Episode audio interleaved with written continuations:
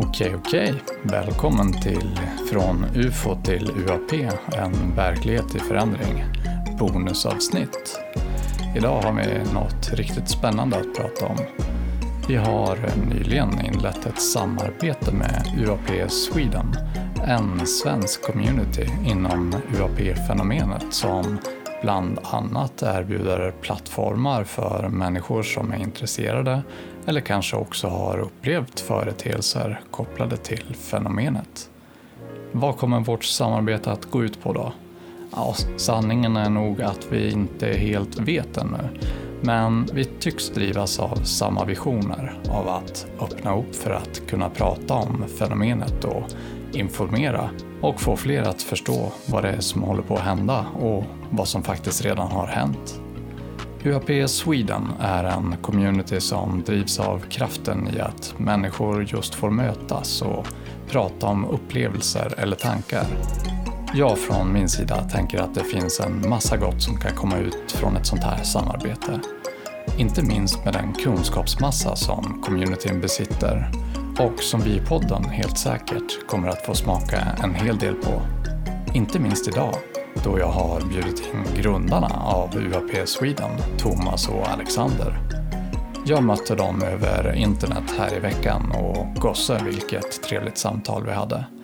Vi genomförde den intervjun, eller samtalet, som ni snart kommer att få höra på cirka en timme men det var så trevligt att prata med de här fina människorna så samtalet fortsatte i flera timmar efteråt och hade det inte varit för att jag skulle upp och jobba klockan sex dagen efter så skulle vi säkert ha kunnat prata på hela natten.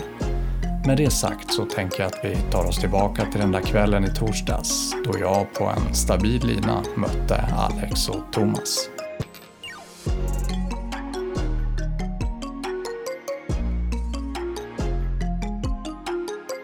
Thomas och Alexander. Välkomna till podcasten. Tack så jättemycket. Tackar så mycket. Trevligt att vara här. Verkligen, verkligen. Känns lite högtidligt sådär att vara tre i samtalet också. Ja men verkligen, för mig är det superspeciellt som alltid sitter ensam så att det, det, känns, det känns verkligen som du säger högtidligt. Ja, det blir det första av många med gäster säkerligen. Ja, det hoppas vi. För att, för att börja någonstans då, vilka ni? Kan ni berätta lite om, eh, dels om ni vill om er själva och också bakgrunden och syftet med UAP Sweden. Varför startade ni den här communityn? Ja, Alex, eh, du kan, du kan få börja faktiskt. Eh, det var ju lite samma hjärna där. Vi, vi körde igång samtidigt kan man väl börja säga. Men berätta du. Ja, nej men vi träffades ju i samband med ett C5-event och eh, lärde känna varandra lite där och sen eh, kände vi att det är någonting som inte riktigt är rätt med situationen i Sverige. Varför, varför fattar folk så trögt? Eh, och så hade vi lite så samma dag hade vi båda namnet UAP Sverige som sen blev UAP Sweden i huvudet eh, och mm, kände båda att är väl kanske inte de som egentligen har drömt om att leda något community eller sådär men någonting måste göras åt situationen så då, då gör vi det helt enkelt. Ja just det, kände du samma sak där Thomas? Håller du med om, om den starten? Liksom? Vad, vad gick i din hjärna? Jo, men absolut så var det ju sådär att jag hade ju satt igång väldigt mycket tankar och eh, eh, vad ska man säga, en, en, en, en resa där jag sökte efter svar på många frågor och kände att de forum där jag försökte ställa frågor och få en dialog så blev det väldigt mycket konfrontativt och det blev liksom det kändes som, som du uttryckte Alex, lite trögt. Alltså nästan som att saker och ting släcktes ner liksom. Och det, jag förstod inte logiken i det. Att man inte kunde få ha en, en insikt och en, eh, så att säga, ja, men en, en, ny, en, en ny fråga som man sökte svar på. Vad, vad är det jag har upplevt? Eh, utan att man skulle bli förlöjligad eller ja, liksom att det skulle bortförklaras och det, det kändes jättekonstigt. Så vi drog igång en liten Facebookgrupp, eh, som sagt, eh, The Connection Group, just för att hitta kopplingar människor emellan och även koppling, liksom hur, hur fenomenet och fenomenen hänger ihop. Och sen från en och två och tre så blev vi fler och eh, kände att det fanns så många initiativ och så många eh, en, en, gemensam syn på saken. Jag och Alex har haft väldigt eh, lika synsätt, så vi satte oss ner och skrev ner ett mission statement och kände att perfekt, nu har vi liksom en gemensam ram och nu är det bara att vi välkomnar in folk där vi känner att vi kan erbjuda ett forum där vi helt enkelt vi är inte här för att hitta förklaringar, utan den som har upplevt något har upplevt detta och vi är inte där för att sätta en stämpel på det, eh, eller döma eller skratta, utan vi är där för att lyssna och fråga hur personen i fråga har liksom nu förändrats och upplever, eh, upplever det hela. Liksom. Eh, för att många av oss som som har varit med med UAP eller UFO, vi, vi har ju liksom, kan ju sätta ett datum före och efter där liksom, hur vi känner att vårt, vårt liv faktiskt tar ett nytt, nytt kliv, i en helt ny riktning, kanske en ny, ny öppenhet. Um, och där känner vi att vi, vi vill ha ett community för alla de som, som helt enkelt vill bara samverka. Mm. Ja, som bara en liten instickare. Såklart, vi letar efter förklaringar men, men det är det liksom att vi ser inte det som vår roll att bedöma någon annans upplevelse på, på håll sådär och, och eh, förklara bort snarare, utan förklara på riktigt.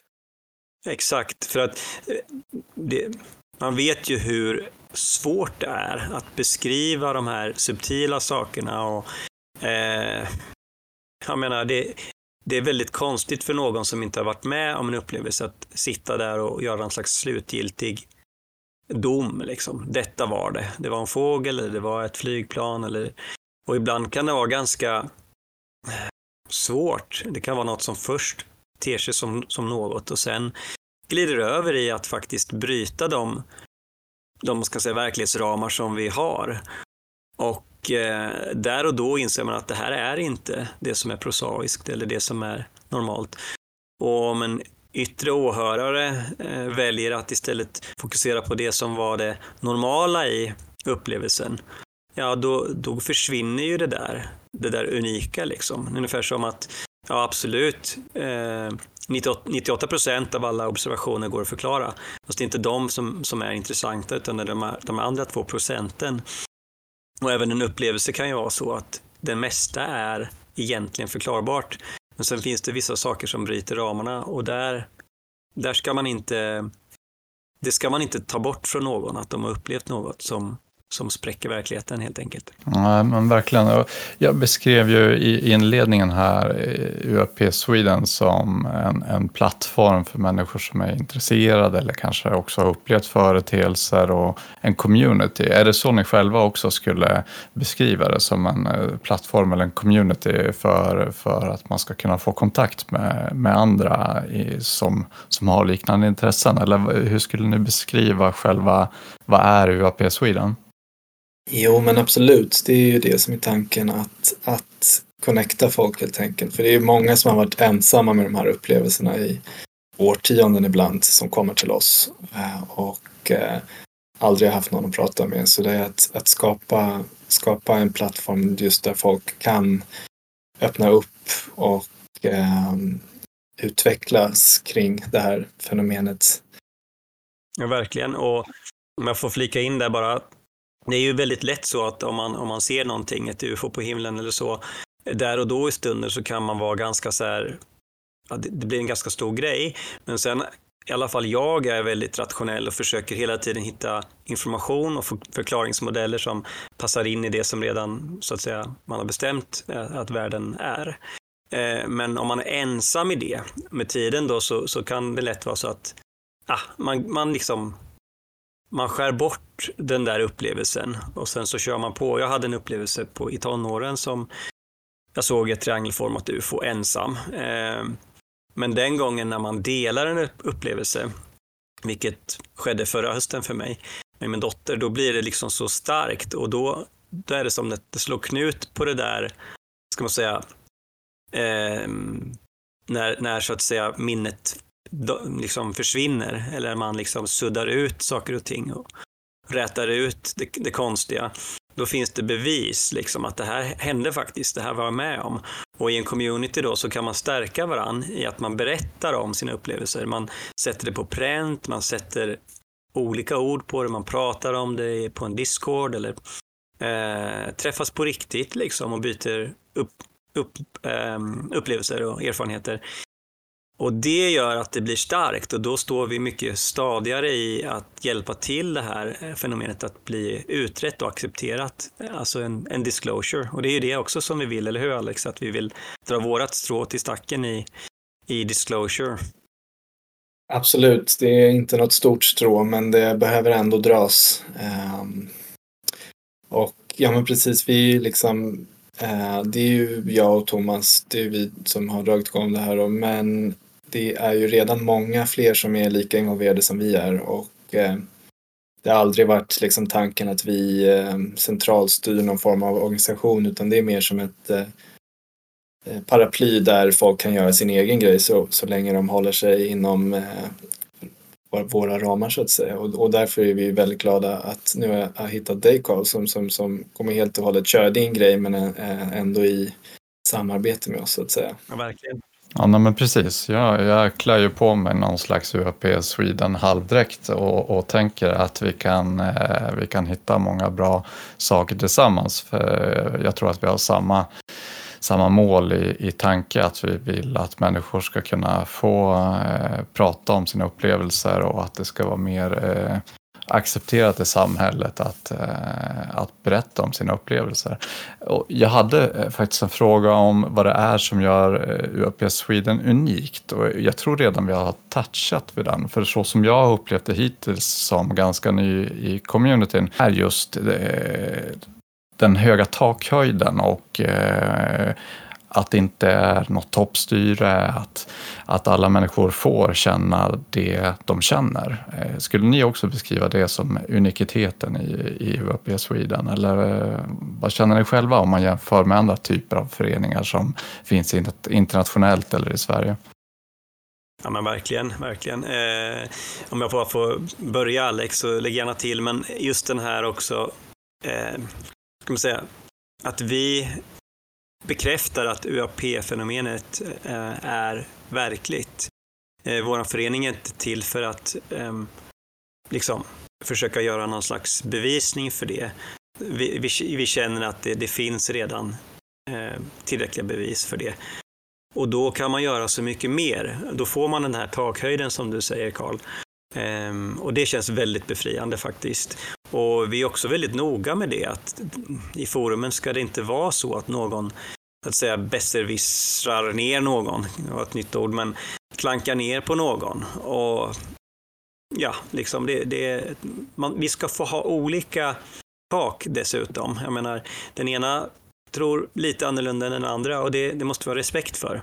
Och det tror jag, jag hoppas att det inte är unikt, men det känns som att det är någonting som vi tycker är viktigt att värna om. Sen skulle man önska att fler forum eh, också värnade om just det.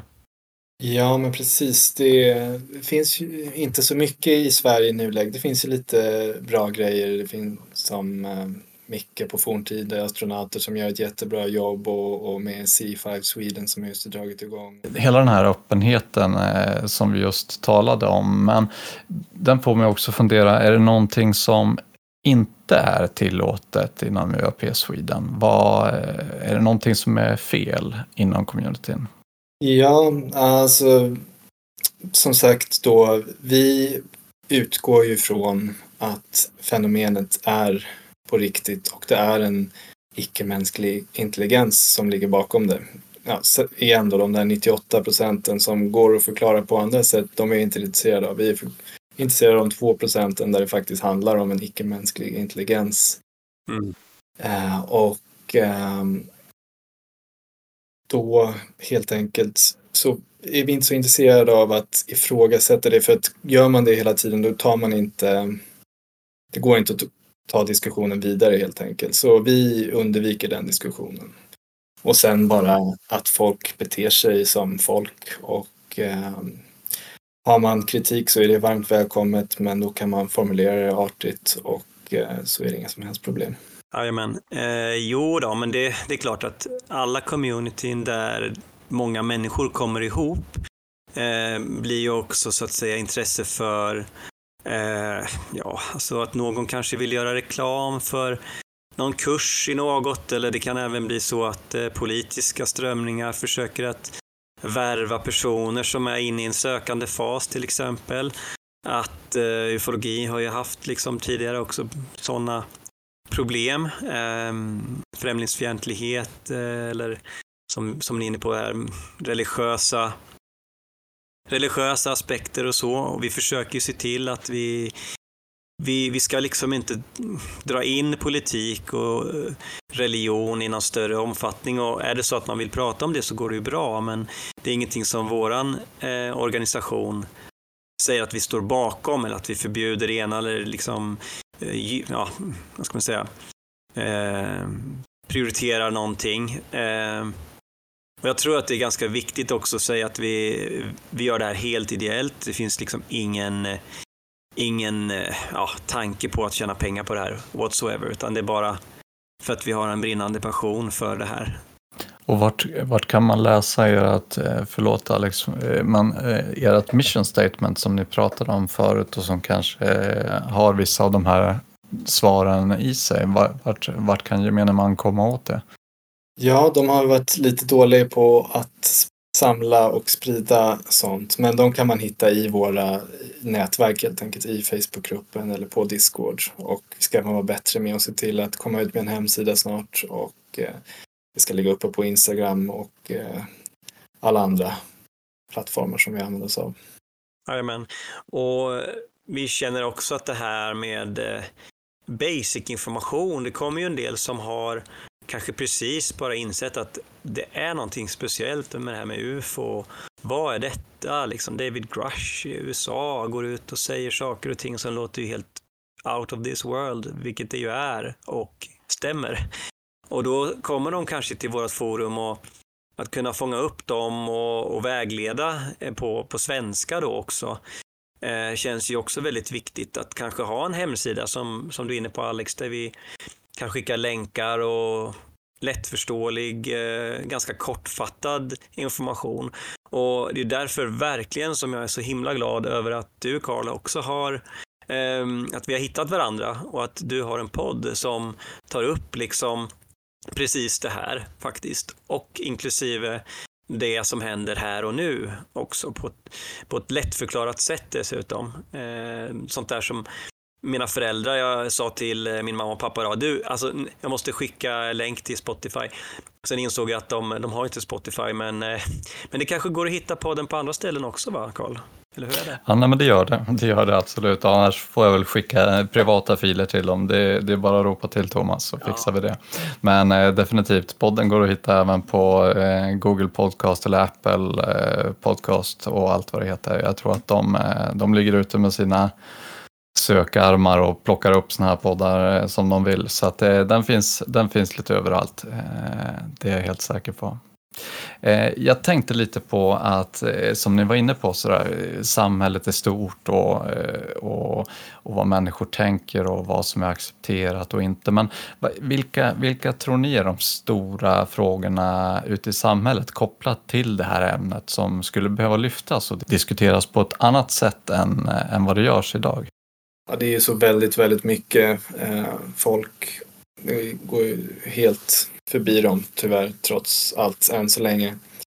Men eh, en sån sak som folk som är lite, lite insatta i kanske ofta frågar är varför händer det här bara i USA och varför det är bara amerikansk militär som ser saker och ting. Och så är ju självklart inte fallet. Och eh, det är väl just den aspekten som är vårt lilla, eh, vår lilla uppgift att visa att det här händer även hemma i Sverige och eh, helt vanliga människor.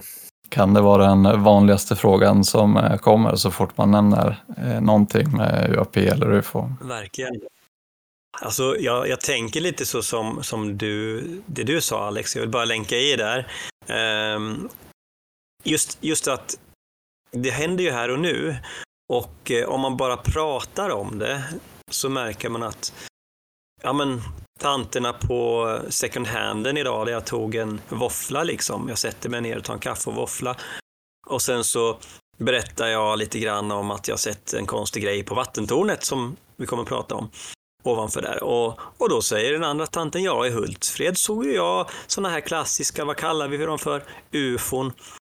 Och så säger den andra kvinnan, jaha, det, ja, det, ja, det är mycket märkligt som händer och börjar berätta om ja, men konstiga saker på en begravning där det eh, liksom var andliga stora starka upplevelser då liksom eh, kopplat till kanske liv efter detta och, och liknande. Och, och, det är ett så stort och brett liksom ämne och vad som tillhör och vad som inte tillhör, det är ju en jättestor fråga. Och eh, jag märker de som kommer till, till podden och till, till mig, det är ofta så att man är kanske lite tveksam, men sen så testar man att berätta och, och då märker vi som du säger Alex att det finns ju hur mycket som helst upplevelser här ute. Det, det finns de som har fått, fått kontakt med entiteter och håller på nu imorgon göra ett avsnitt om, om det. Eh, det vi kallar för tall grace eller Ehm, ja, ni förstår, det finns i Sverige också.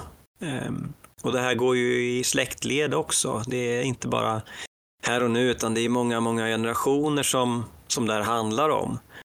Eh, och det vi hör sägas på andra sidan Atlanten, det, det finns här. Det är kanske är din granne som upplever det här. Och kanske under många, många år inte ens vågat berätta för sin närmaste familj. Eh, så jag vill bara länka vidare och säga att det är en spännande utveckling vi ser och när man är mitt inne i det här nätverket så är det en fantastisk resa att göra och också ta del av folks eh, nya liksom eh, mod helt enkelt att dela med sig. Ja, precis. Ja, men det är ju det där stigmat som, eh, som får folk att tro att det inte händer någonting helt enkelt i första hand. Och eh, det är ju det vi vill motarbeta helt enkelt. Det är väl egentligen vår, vår grunduppgift. Ja, nej, men verkligen. Och, och det ni säger eh, får mig osökt att tänka. Jag hade en resa när jag var liten, jag kanske var 12 år eller någonting sånt, så brukade jag ta bussen 10 mil upp till en, en stad där min farmor hämtade mig eh, och sen så körde hon de sista tre milen ut till hennes hus. Så jag kommer ihåg en av de här gångerna och den har jag liksom inte tänkt på, eh, den, här, den här händelsen på, på många, många, många år. Men jag kommer ihåg en av de gångerna hon hämtade mig och hon var ju en väldigt eh, down to earth eh, människa och det här kändes ju inte alls eh, som att det skulle komma ur hennes mun. Men vi satt där i bilen och åkte, det var en sommarkväll och det hade mörknat så lite som det gör en sommarkväll i Norrland, men ändå liksom skymning.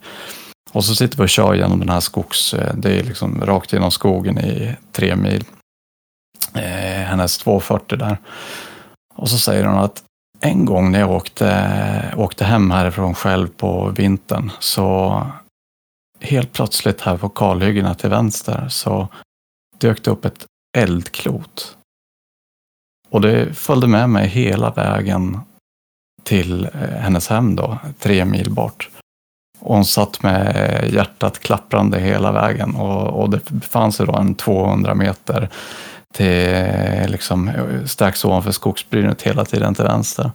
Och, och det är nog inte förrän, eh, förrän på de senaste, senaste året egentligen som jag har har, eh, jag har alltid tänkt över det där och liksom varit lite rädd för det, för jag var ju ganska liten så att jag tyckte det lät otäckt. Liksom. Men men det är nog liksom först nu på, på ja, senaste året skulle jag säga som jag har liksom insett att jag menar, alltså hon, hon bevittnade ju givetvis någon form av eh, UAP eh, där ute. Eldklot är ju rätt så vanliga sightings eh, internationellt. Så, eh, men så, som, som du säger Thomas, det kan verkligen poppa upp från eh, varstans. Mm. Och, och, det där är spännande för vissa händelser som man liksom har tänkt på och man minns dem. Men sen plötsligt kan man inse, men det där är ju faktiskt ganska konstigt. Och man kanske tänker att den där klotblixten som följde efter kan inte vara en klotblixt, den kan inte göra så medvetna liksom färdslar så, utan det där måste ju, och så kopplar man, det kanske var en UAP eh, helt enkelt. Man sätter ihop ett och ett och det jag sitter och tänker på nu när jag associerar till Norrland, det är att min farmor växte upp i kommer från Kittelfjäll, Marsfjället, eh, eh, Henriksfjäll egentligen. Men eh, eh i början på 1900-talet då så, så förlorade hon sin bror i barnsäng vid födseln där. Och jag minns att hon berättade om att det var, hon var rädd för norrskenet. Hon sa att den natten så var det ett norrsken som var, det var inte ett vanligt norrsken. Och det hände då samtidigt som det här barnet eh, så att säga gick bort. Liksom. Eh, och, och det funderar jag också på. Jag önskar hade frågat henne mer om vad det här konstiga norrskenet var. Och hon var en väldigt jordnära person, men eh, vi pratade aldrig om sådana här saker, vilket jag ångrar. Det leder mig rätt bra in på eh, det nästa del som jag funderar över och det är lite kring eh, er två personligen då, om ni vill dela med er om, eh, om någonting, några möten eller observationer som ni har upplevt som har påverkat er syn på UFO och UAP-ämnet i stort. Är det, är det någonting som ni kan vill dela med er av vad som, som finns under er under er upplevelse eller tid som, som ja, liksom blev? Jag har lite blygsamma framgångar med det som kallas C5 då som är att man eh, helt enkelt connectar med den här icke-mänskliga intelligensen genom eh, meditation eh, och eh, ber dem att dyka upp på himlen Eh, vilket de gör förr eller senare. Eh, men eh, jag tycker du har mycket, mycket intressantare historier att berätta på den här fronten, Thomas. Ja, jag vet inte det, Alex. Det... Jag känner att ofta den inre resan, den som man kanske inte kan berätta om. Eh, jag vet ju att du har varit med om kundalini eh, uppvaknande så, vilket är ju väldigt fascinerande för mig. Det, på något sätt så så tror jag att eh, ibland är det frågan om hönan eller ägget, om det är den inre säga, förändringen som leder till att man faktiskt kan uppfatta och uppleva UAP. Eller om det är att man upplever ett UAP och därigenom får en inre förändring. Eh, och i mitt läge då förra hösten så, så såg jag och min dotter fyra stycken orber som flög över, över Västervik helt enkelt. Eh, det gamla vattentornet som för övrigt också har ansetts vara en speciell plats, en sån här hotspot fick jag höra på 90-talet. Eh, och även hört en annan person som berättar att eh, en kompis, alltså nu på senare tid, hade också sett orber där över. Så att det är lite mm, intressant. Men oavsett, eh, då innan den händelsen så hade jag ju gjort stora livsstilsförändringar. Eh, klev av min yrkesbana som lärare, pausade det och började förverkliga drömmar då. Eh, till exempel eh, började jag göra en, en dryck som min farmor, ehm, när hon levde, gjorde där uppe i fjällen. Och Eh, levde ett mycket mer meditativt liv. Jag mediterade inte, eh, jag gjorde inte C5, men någonting i min livslunk förändrades och jag kände en lång tid innan att någonting kommer att ske. För det var som att jag var i en annan, eh, ja, i ett annat läge helt enkelt. Och jag var väldigt förväntansfull för jag visste att någonting kommer att ske. Lite som man väntar på julafton. Och eh, Dessutom så var det på något sätt som att det var meningen att min dotter skulle vara med. Vi, vi gick tillsammans till det här stället där vi inte har gått förut. Och vi pratade om just det här med att man kan se saker och uppleva saker om man faktiskt släpper in möjligheten att tro på det.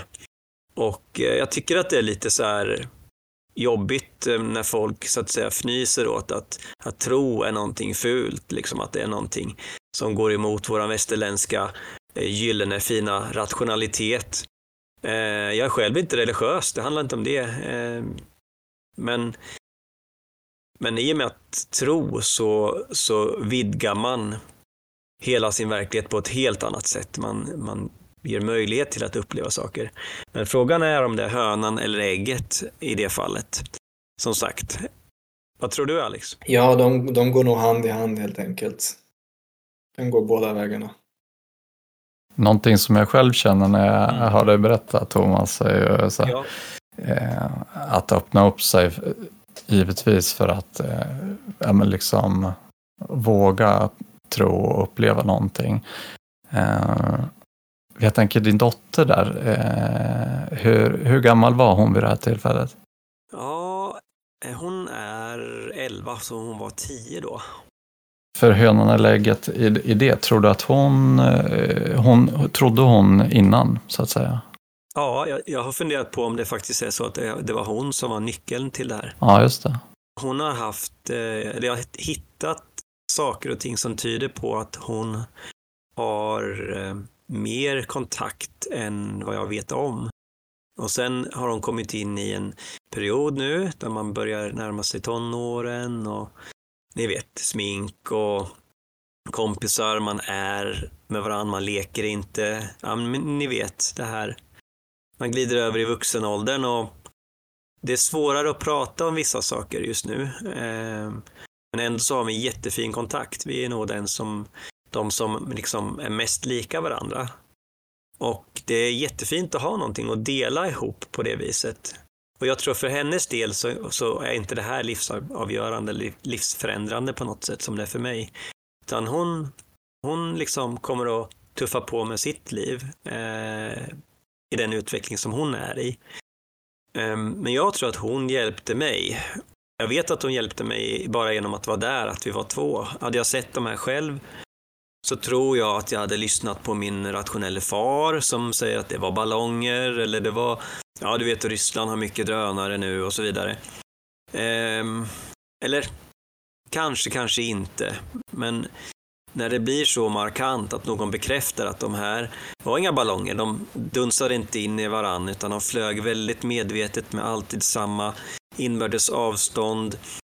Ehm, min dotter såg även ett kraftfält runt de här eh, som inte jag såg. Och skillnaden att man också ser och upplever olika, det tycker jag är väldigt intressant. Ehm, jag kan inte förstå det riktigt, men det tyder på att någonting ehm, resonerar eh, eller möter din egen inställning också. Hur mycket du kan se av de här sakerna. Jag funderar på om man, om man ser orber av ljus till exempel. Ehm, så kanske, om jag ser en orb av ljus så kanske någon annan ser det som en, en eh, ljusvarelse till exempel. Att man ser mer helt enkelt. Eller någon annan ser det som ja, en, en farkost kanske, alltså mer den fysiska formen. Jag, jag vet inte, men det, det är ett mysterium för mig. Mm. Och det är ju också såklart eh, väldigt intressant överhuvudtaget vilken tilltro vi lägger till våra synintryck och, och hela den aspekten som du säger. Vi, det, är vi är väldigt rationella varelser de flesta av oss. Eh, vilket gör att vi, vi ser det vi ser, tänker vi. Men, eh, men att bredden där under kan vara så pass mycket djupare. Och verkligen, och, och det är därför också det är så himla viktigt att ha sådana här fall där radar fångar upp saker och ting, där man har utbildad liksom militärpersonal, de här vi pratar om eh, David Fravor och Graves, alltså som det går liksom inte att förneka då att det här är på riktigt. Det bryter våra, alla våra ramar eh, av fysiska lagar, men samtidigt är det på riktigt. Och, och det, just de där fallen, det behövs för att kunna så att säga stärka en i att det är det man själv ser och kanske inte lyckas ta på bild eller så. Det är också på riktigt. Om man verkligen, vad, vad tror ni skulle till för, om man, om man ser till USA nu, när jag säger inte att det är hos gemene man, men i alla fall mer utbrett acceptans för att UAP Eh, finns på riktigt. Det, och då kanske man är mycket i de objektsbaserade delarna, men, men att eh, UFON eller UAP, de, de existerar, det är ju faktiskt officiellt erkänt av den amerikanska regeringen. Där är vi ju ganska långt ifrån i Sverige. Vad tänker ni kring det? Jag tror och hoppas att eh, folk inte kommer att ha något val så länge till. Utan jag tror att vi kommer få se en eh, disclosure eller confirmation process som kommer att gå ganska fort. Eh, inom ett år förhoppningsvis. Och eh, då blir det lite av ett rude awakening för svenska populationen. Det hade ju varit fint om det kunde värma upp lite grann men det blir nog eh, hoppa i den djupa sidan av poolen på en gång tror jag.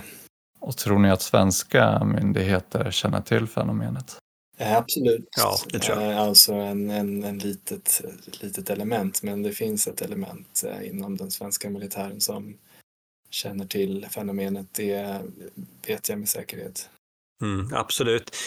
Jag håller helt med där och rent av personlig erfarenhet så om jag då tar exemplet när jag såg och rapporterade in orberna till UFO Sverige då inom loppet av några timmar så var luftrummet fyllt av sådana här dånande, långsamt flygande spaningsmilitärflygplan helt enkelt. Och eh, det har ju varit flygplan såklart som flyger över Västervik under de 20 åren jag har bott där, men jag har aldrig varit med om så hög um, frekvens och det var flera dagar som det mullrade på ett helt annat sätt. Och det handlar inte om att jag hade fokus uppåt, utan det har jag haft sedan dess och det har varit militärövningar efter det här också, där det inte heller är samma, samma intensitet. Eh, och det får jag nog fundera också då. Varför var det där precis då? Ehm, och jag skulle jättegärna se att eh, man fick, fick till stånd någon, någon form av eh, ja, men fråga, någon, någon officiell kanske namninsamling eller så där man kan försöka få till stånd någon, någon, någon nationell utredning helt enkelt. Där man ber att få svar precis på den frågan du ställde Karl. Vad vet Sveriges militär eller eh, regering för den delen om UAP? Och regeringen tror jag inte vet så mycket. Det, det är nog lite liknande som kongressen och senaten i USA tyvärr. Ja, nej men precis. Om man pratar om eh, disclosure-rörelsen som framförallt pågår då i USA, vad, vilka signaler tror ni skickas till svenska då myndigheter eller eh, eventuellt fack som känner till detta? Tror ni att man driver på och försöker få till någon typ av offentliggörande eller krypande, sipprande informationsuttömning i Sverige också? Det är ju ingenting Nej, tyvärr tvärtom. Eh, Det är ju så att i Amerika finns det ju minst två faktioner där den ena eh, gör allt för att hålla locket på och det är de som fortfarande har inflytande här i Sverige. Eh, säkert inte jättemycket men eh, den här globala desinformationskampanjen som Rush med flera har pratat om på senaste, den är ju just global och eh, den når även hit. Och eh, än så länge så är policyn att stänga ner allting. Ja, jag tror också att det kan vara så att det har pågått ganska länge en, en sån Ja, lite mörkläggning då. Jag tänker på spökraketerna som var ett ganska stort eh, internationellt UFO, ska man säga, en UFO-händelse eh, där ja, högsta militära ledning i Sverige helt enkelt var involverad och försökte utreda detta. Det var mitten på 40-talet om jag inte minns fel, eller var det inte så Alex? Ja, precis. Det var ju en känt fall när en sån där spökraket då som var den, känd, den kändaste svenska ufo-vågen. Det blir säkert något avsnitt för dig framöver Karl kan jag tänka mig. Men eh, var det en sån så kallad spökraket som kraschade i en sjö framför vår dåvarande överbefälhavare. Eh, för militären alltså. Eh, vilket är ganska lustigt. Eh, just dessutom samma tid som vi höll på och utveckla vårt atomvapenprogram. Där kan man eventuellt dra någon koppling om man vill. Eh, och då vet, då finns det ju dokumenterat att eh, vad han nu hette, Doolittle eller vad han kallades för, den här amerikanska agenten var här och eh, eh, allt det där finns dokumenterat så att man har ju vetat om det inom, inom svensk militär sedan dess och eh, ja, igen, det är väl säkert en väldigt liten faktion inom militären som, som har någon vetskap om det här. Men, men eh, icke desto mindre så, så finns den där. Ja, jag tror också att det kan vara så att eh, allmänheten inte så att säga vet det som vi borde veta helt enkelt. Och jag tycker det är synd att eh, inte militären, i vilket land det nu än kan vara, eller från officiellt håll, om det kan vara politiker eller statsöverhuvud faktiskt går ut och, och bara konfirmerar att jo, det, det stämmer. Det finns non-human intelligence, icke-mänsklig intelligens och det finns även farkoster som, som vi har så att säga säkrat och eh, undersöker. Och sen behöver man inte såklart gå ut med liksom detaljer och tekniska, liksom, säga, hur långt man har kommit i att kunna återskapa den här tekniken. Ehm, men som du varit inne på Carl i din podd tidigare så, så är det tyvärr säkert så att det rör sig om pengar, det, det rör sig om maktpositionering och det är väldigt tragiskt. Ja men verkligen och också den personliga risken kring de som har eh, hemlighållit det här under väldigt lång tid tror jag. Eh, både stolthet och den juridiska risken eh, tror jag kan även i Sverige ligga. Det, det har nog inte gått rätt till på alla håll här heller, skulle jag ju tippa på. Vad tänkte på kring, kring UAP Sweden och lyssnare och intresserade personer som, som är intresserade av ämnet. Hur kan de bäst stödja UAP Sweden och den communityn som, eh, som ni har börjat? Ja, alltså vi är ju eh, helt och hållet non-profit. Vi, vi, frågar inte efter någons pengar så det bästa man kan göra för att stödja är helt enkelt bara att, eh, att kolla in i våra olika sociala nätverk som jag gissar att du kanske kommer ha länkar till här i, i eh, poddtextbeskrivningen och eh, komma in och, och, dela med sig av information och eh, trevlig stämning och eh, sprida ordet om oss såklart får man gärna göra. Och verkligen så är vi jättetacksamma för om vi har ett sådant forum där folk vågar berätta om sina egna upplevelser.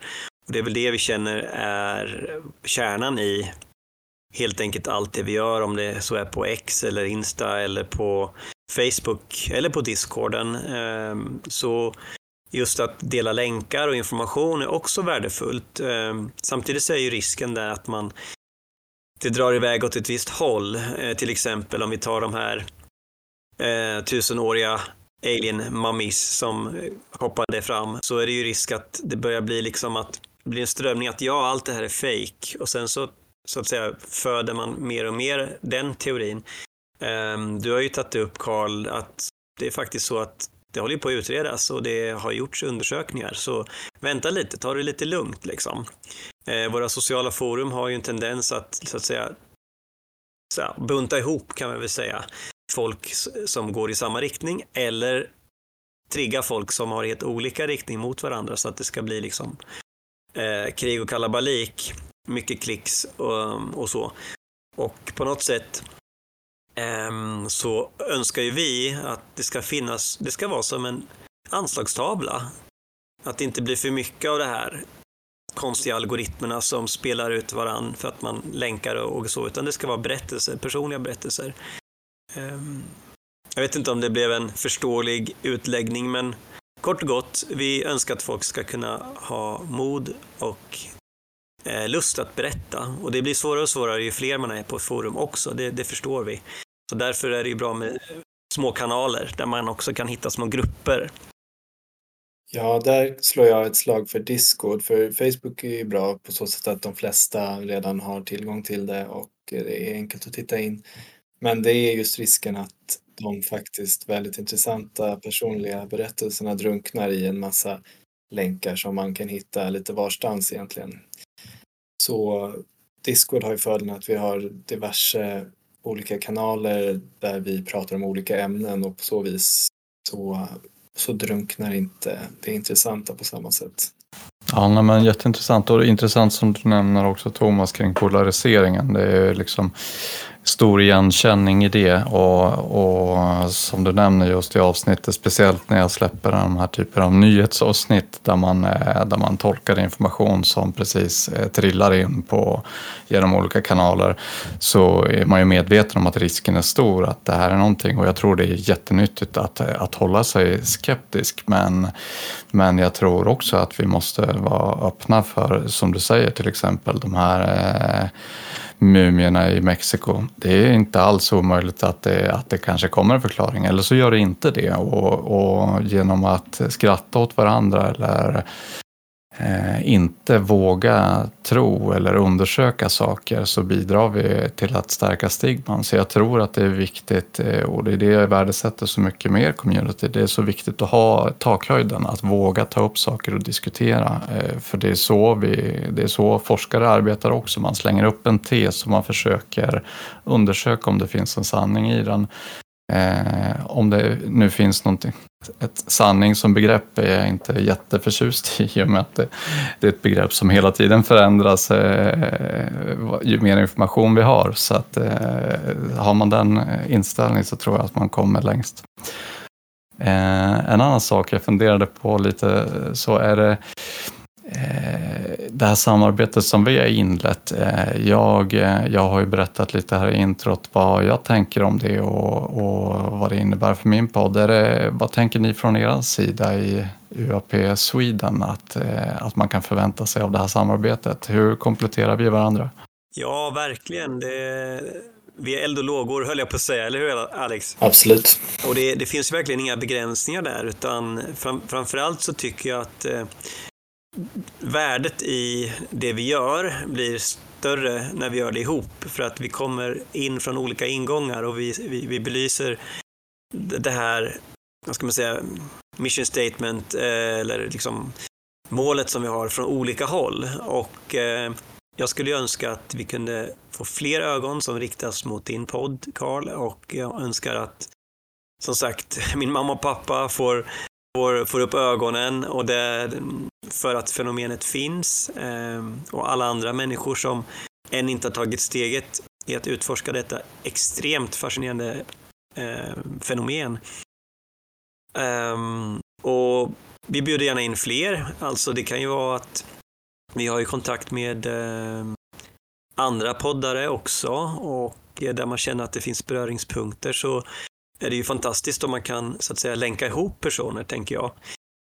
Agneta Sjödin och jag har haft dialog och eh, blir väl att eh, jag kanske kan vara med där på ett hörn och Micke på Forntida astronauter har också haft eh, kontakt. Eh, vi vet ju att det finns en kille som är en stor youtuber, Staffan där, som eh, har haft nära eh, kontakt med David Grush till exempel. Eh... Mm, jag pratade lite med honom i, idag faktiskt. Ja, just det. Okej. Okay. Spännande. En, en ny dokumentär från Yes Theory ut på Youtube eh, på söndag. Om, eh, det kanske är på söndag det här släpps, så idag i så fall. Just det. Och det är även det här med eh, nationell utredning och om man tänker crowdfunding. Olika processer sök, be, behöver olika typer av kompetens. Eh, och eh, att man kan lägga upp en, en blänkare liksom. Vi söker programmerare eller vi söker någon som är bra jurist till, till exempel. Eh, kanske någon som är politiker. Eh, vem vet? Alla har någonting att tillföra liksom. Ehm, ja, så, så jag är väldigt öppen för vad det här samarbetet kan, kan bli. Eh, vad det kommer att bli, det vet jag inte, men mer podd åt folket tror jag är jätteviktigt, eller hur Karl? Ja, nej, men verkligen. Och, och eh, när du pratar så kommer jag också tänka på att vi har ju under hela avsnittet inte nämnt att du Thomas faktiskt också har en podd som eh, heter UAP Sweden och som eh, skjuter ett spjut precis rätt in i den här kärnan som ni pratar om i UAP Sweden om eh, upplevelser och människor som eh, pratar och ni har en diskussion. Berätta själv. Ja men precis och det, det var egentligen det enda som jag ville när jag startade hela det här lilla projektet med The Connection Group.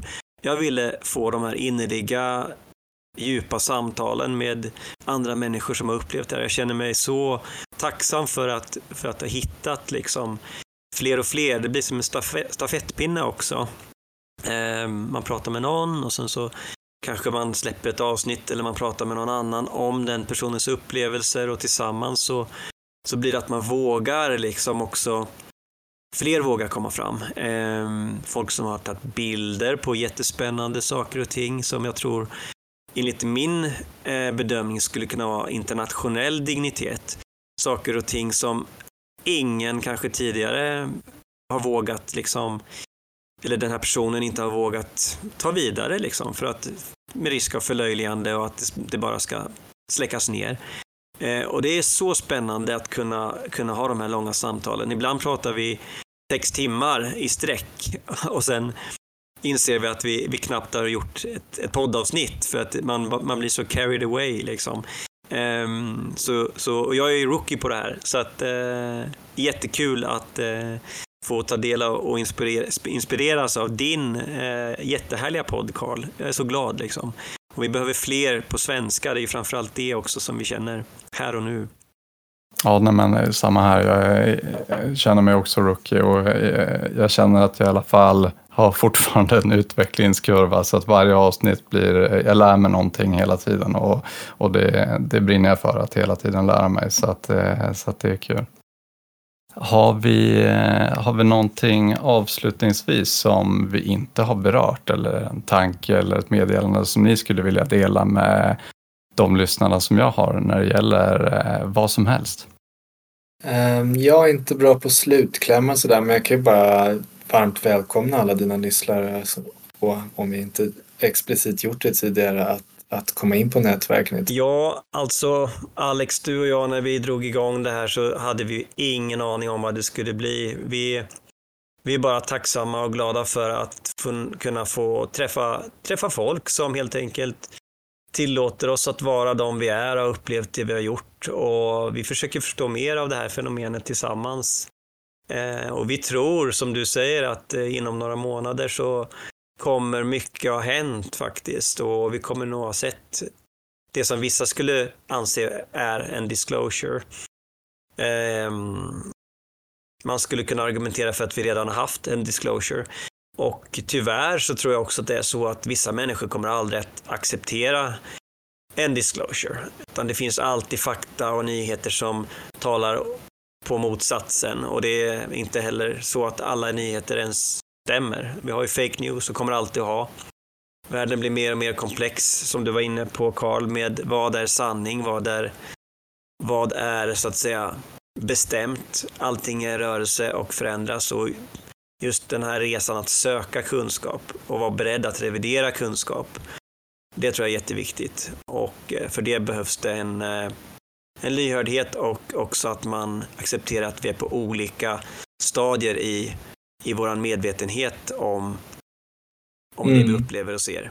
Eh, precis så, så bara till sist att säga igen att bara välkomna alla dina lyssnare och eh, komma in på, på våra forum och Eh, eh, det, det, är inte så att man måste ha en egna upplevelser av fenomenet utan det, vi är ju öppna för alla och eh, eh, ser jättegärna att folk kommer in helt enkelt.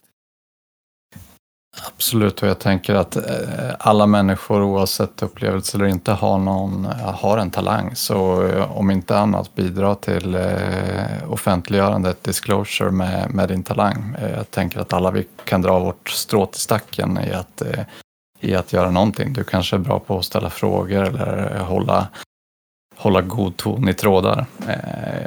Vi bidrar alla på olika sätt. Verkligen, där har vi Alex i ett nötskal. Du är en sann medlare Alex och eh, du har möjliggjort jättemycket där. Jo, jo, men det, det är härligt att vi, att vi kan bidra och hjälpa varandra. Det, eh, men jag måste få fråga dig Karl, jag vet inte om du vill ha med det här, men eh, vad, jag undrar så mycket, vad är det som har fått dig hooked på det här? Har du själv haft någon upplevelse? Ja, men det, det, är en intressant fråga. Jag satt, eh, när, du, eh, när du satt och pratade alldeles nyss eh, lite om disclosure-rörelsen och att alla inte kanske med fake news och att alla kanske oavsett bevis inte kommer att acceptera en disclosure.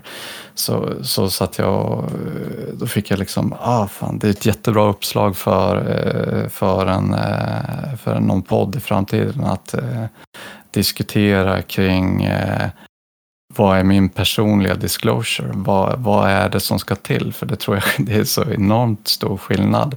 En del kanske måste se det framför sig eller ta på någonting eller uppleva något och, och andra kan, eh, kan acceptera lästa eller upplästa eller eh, en podd som bevis för att gå in och förstå att det här är någonting.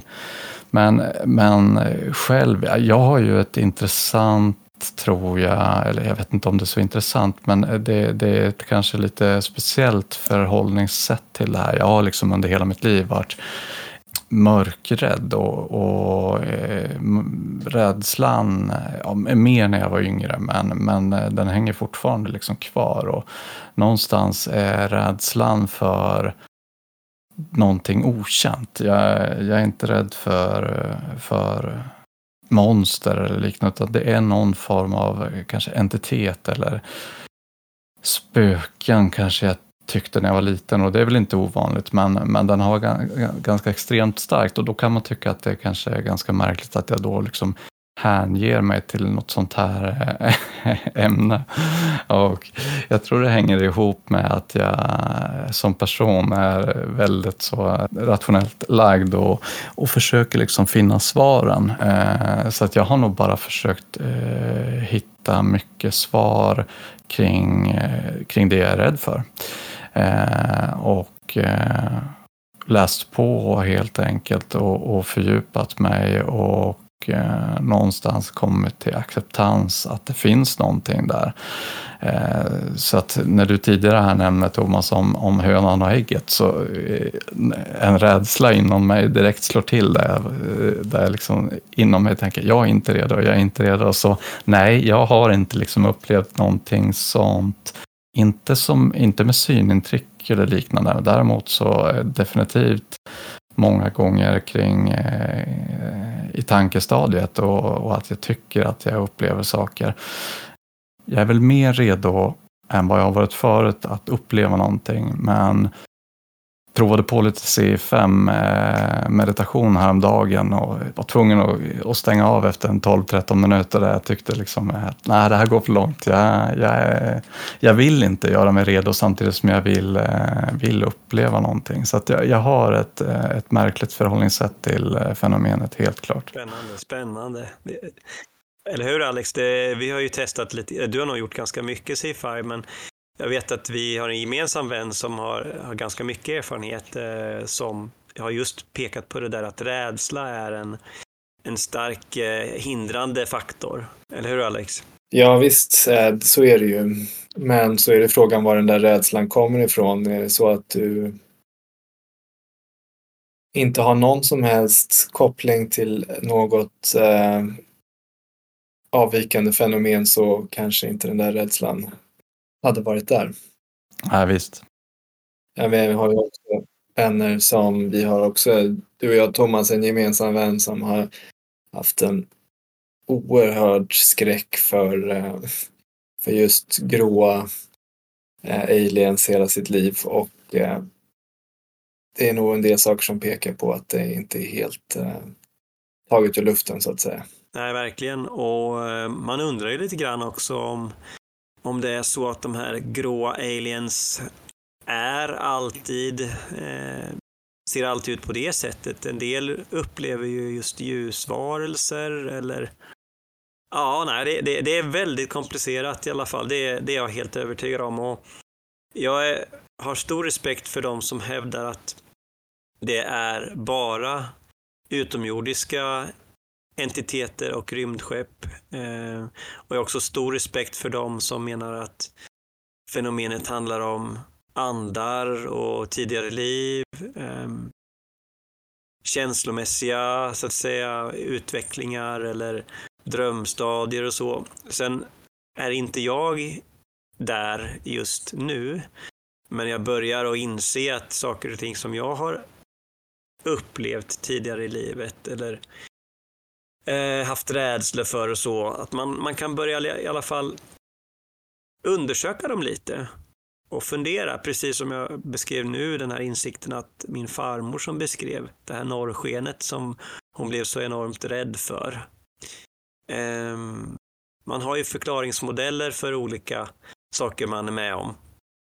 Och förr i världen så beskrev ju romarna de här brinnande sköldarna som flög över himlen när det var slag då och de kom och hjälpte till i, i, i striderna och egyptierna har haft sina beskrivningar. Eh, medeltiden har haft sina sagor och sagoväsen. Eh, jag själv funderar mycket på landet nu sedan två veckor i kompakt mörker och, och eh, upplever väldigt mycket finstämda små saker och bland annat ett, en, eh, en lykta ute i skogen som plötsligt släcktes och det kan ju mycket väl bara vara en lykta som släcktes, det, det är möjligt. Men eh, att vara öppen för en annan möjlighet, det tycker jag berikar livet i alla fall. Och att samtidigt behålla den eh, analytiska förmågan, den reflekterande förmågan, den logiska förmågan. Den kombinationen går att göra och eh, jag är så glad för alla de människor som jag har mött som är fruktansvärt härliga människor, kloka människor, smarta, logiska människor, men också har den här förmågan att våga tänka nytt, att våga tro faktiskt. Ehm, det är fantastiskt och jag välkomnar alla som vill dela med sig att göra det. Och jag tackar dig Karl att du delade med dig av din känsla mer som du säger, din, din känsla av rädsla. Och det, en känsla är också verklig. Det är inte alla som ska säga att känslor är verkliga. Men det är den, tycker jag. Ja, men tack. Och eh, hoppas att folk inser vilken uppoffring jag gör när jag sitter och, och, gräver i de här sakerna och inte kan sova på nätterna på grund av det jag gräver i. Men... Och det uppskattas Karl, det ska du veta. Jättehärliga poddavsnitt. Eh, ni som inte lyssnat på alla, lyssna och lyssna om. Ja men tack, tack. Alex, har du någonting avslutningsvis du vill säga eller känner du att du har fått med det? Ja, jag tror att eh, jag är rätt nöjd.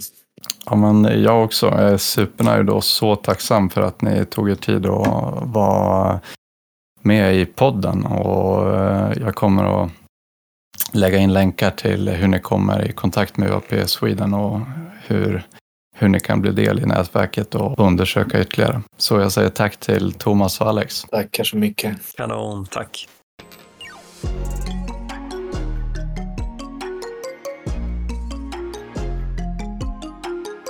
Vilket trevligt samtal det var med Thomas och Alex och jag uppmanar intresserade att verkligen besöka deras forum eller plattformar.